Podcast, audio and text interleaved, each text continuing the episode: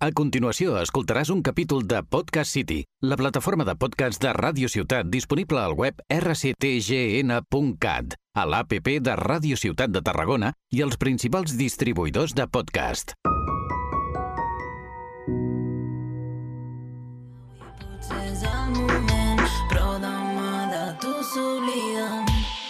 Créixer confiant en el demà,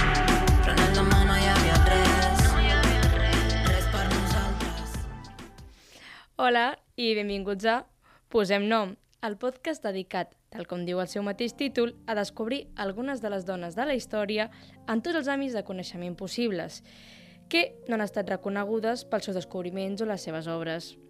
Algunes d'elles no es reconeixen perquè van signar els projectes amb el seu nom dels seus marits, els projectes els hi van ser robats, es van fer famosos per homes, o perquè el segle on vivien ni tan sols era possible que la ment de la societat, doncs, les dones ho poguessin fer. Llavors, tal com ja sabeu, al final de cada programa us dono algunes pistes sobre quina serà la següent protagonista. Llavors, espero que les pistes que us vaig donar us hagin servit per endevinar la protagonista d'avui. I pels que és el primer cop que escolteu aquest podcast, repetiré les pistes així per posar-vos en context. Tal com us vaig dir, no ens movem gaire lluny d'on estàvem, ja que la dona d'avui està situada un altre cop a l'edat antiga i Grècia una altra vegada, però en aquest cas no és la Grècia clàssica, sinó és la Grècia arcaica, l'etapa de quan les polis, les ciutats-estat, s'estaven començant a crear. Res, uns anells abans d'Espàcia, la protagonista del programa anterior. Bueno, perdó, moment de promoció o spam, com li vulgueu dir. Em paro aquí per recordar-vos que em podeu escoltar aquest programa pilot com escoltant aquest segon a Spotify o a la pàgina web de uh, Radio Ciutat de Tarragona.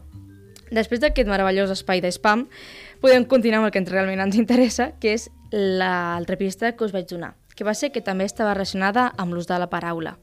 Bé, dit això, us presento la nostra protagonista. És Safo de Lesbos. Nascuda al voltant del 650-610 abans de Cris a Metilene, Lesbos, dins una família benestant i es va morir a Leucade al 580, també abans de Crist. Safo va ser una poetesa lírica monòdica, que significa que les seves estrofes eh, parlaven de grans gestes, i va ser la fundadora d'una acadèmia de literatura, de cant i de dansa per a noies, anomenada la Casa de les Servidores de les Muses, dedicada a la deessa de l'amor, com no pot faltar, Afrodita. Bé, us preguntareu per què vinc a parlar d'ella i no de mm, Hipàtia, tal com vaig comentar en el primer programa de que potser parlarem d'ella. Doncs bé, perquè una altra vegada venim a parlar de difamació. M'encanta la difamació. O, bueno, en aquest cas no és la difamació, però és la inexactitud històrica. plan, alguns flecos que falten. Bueno, Safo, eh, com molta gent pot saber, és considerada una icona del lesbianisme. Fins i tot ha sortit una paraula en concret, sinònim d'això, derivada de la seva propi nom, que és Safo, doncs Sàfica. Bueno, doncs, la concepció d'ella és que a la seva acadèmia no es cultivaven precisament el que són les arts, sinó que es dedicaven a tenir doncs, sexe entre elles i que se passaven pel llit doncs, totes les alumnes de Safo i aquestes coses. Bueno, però això no és del tot cert. Hi ha estudis recents que han demostrat que sí, que va escriure tant desig d'homes i dones. Per tant, mm, també podem dir, i s'ha descobert, que va tindre el marit que s'ha de morir i amb l'herència d'aquest marit doncs, va poder fundar l'acadèmia i que va tindre també una filla. Per tant, desmitificant una mica de que només s'ha passat per la pedra a les seves alumnes. A veure, també hem de dir que sí que es va enamorar d'algunes de les alumnes, però a la vegada les preparava perquè es casessin i fossin unes bones esposes. Llavors és una mica contradictori que tu li ensenyis arts, cultura i que suposadament llegir l'aparença de que te les passes per la pedra i que mm, les estàs fent agradar-li coses que no pertoquen, però a la vegada li estàs ensenyant totes les virtuts i tota la informació per ser bones esposes, comportar-se... no sé, estrany. Ara passant a la part positiva, que és el que més ens interessa, de la figura. Podem comentar que és una de les poques veus femenines que ens arriben des de l'antiguitat i, de forma sorprenent, ja que eh, han sobreviscut moltíssimes poques obres. Vull dir, en teoria, els estudiosos diuen que constava la seva obra d'uns nou llibres, més o menys, però només se conserven alguns poemes sencers i petits fragments de papirs superantics. Per què passa això? Pues perquè, mm, com sempre l'Església, doncs a vegades el que són a l'amor entre persones del mateix sexe o temes d'aquests que són una mica tabú, doncs no li agraden gaire i, bueno, doncs a l'edat mitjana ja sabeu, eh, a cremar llibres i a cremar coses que no concorden. Doncs precisament és el que va passar amb l'obra de Safo, que és que el papa Gregori VII va decidir pues, cremar-los per immorals i pecaminosos. Ja us podeu imaginar per on va el tema.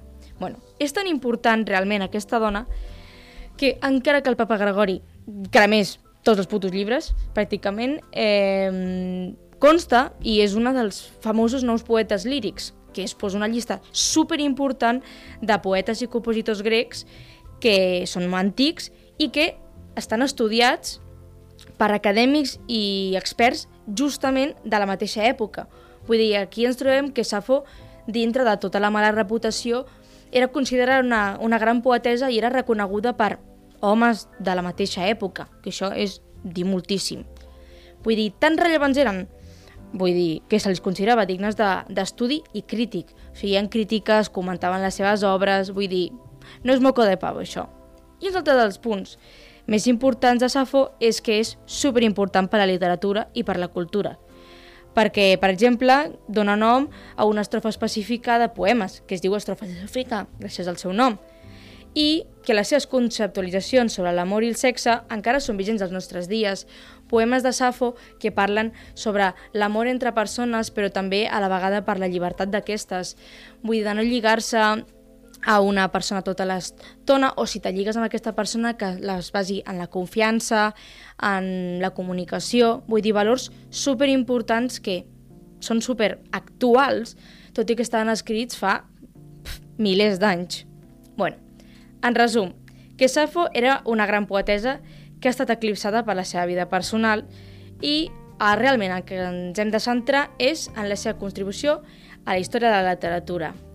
I fins aquí el programa d'avui a Posem Nom, que espero que us hagi agradat, que us hagi descobert coses noves de Safo, us hagi una mica desmitificat només que Safo és només un emblema de el col·lectiu LGTB, del moviment lèsbic, sinó també doncs, la seva part de la literatura.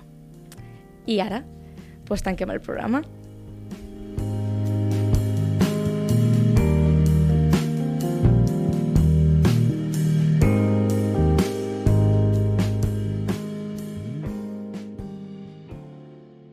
Has escoltat un capítol de Podcast City, la plataforma de podcast de Ràdio Ciutat disponible al web rctgn.cat, a l'APP de Ràdio Ciutat de Tarragona i els principals distribuïdors de podcast.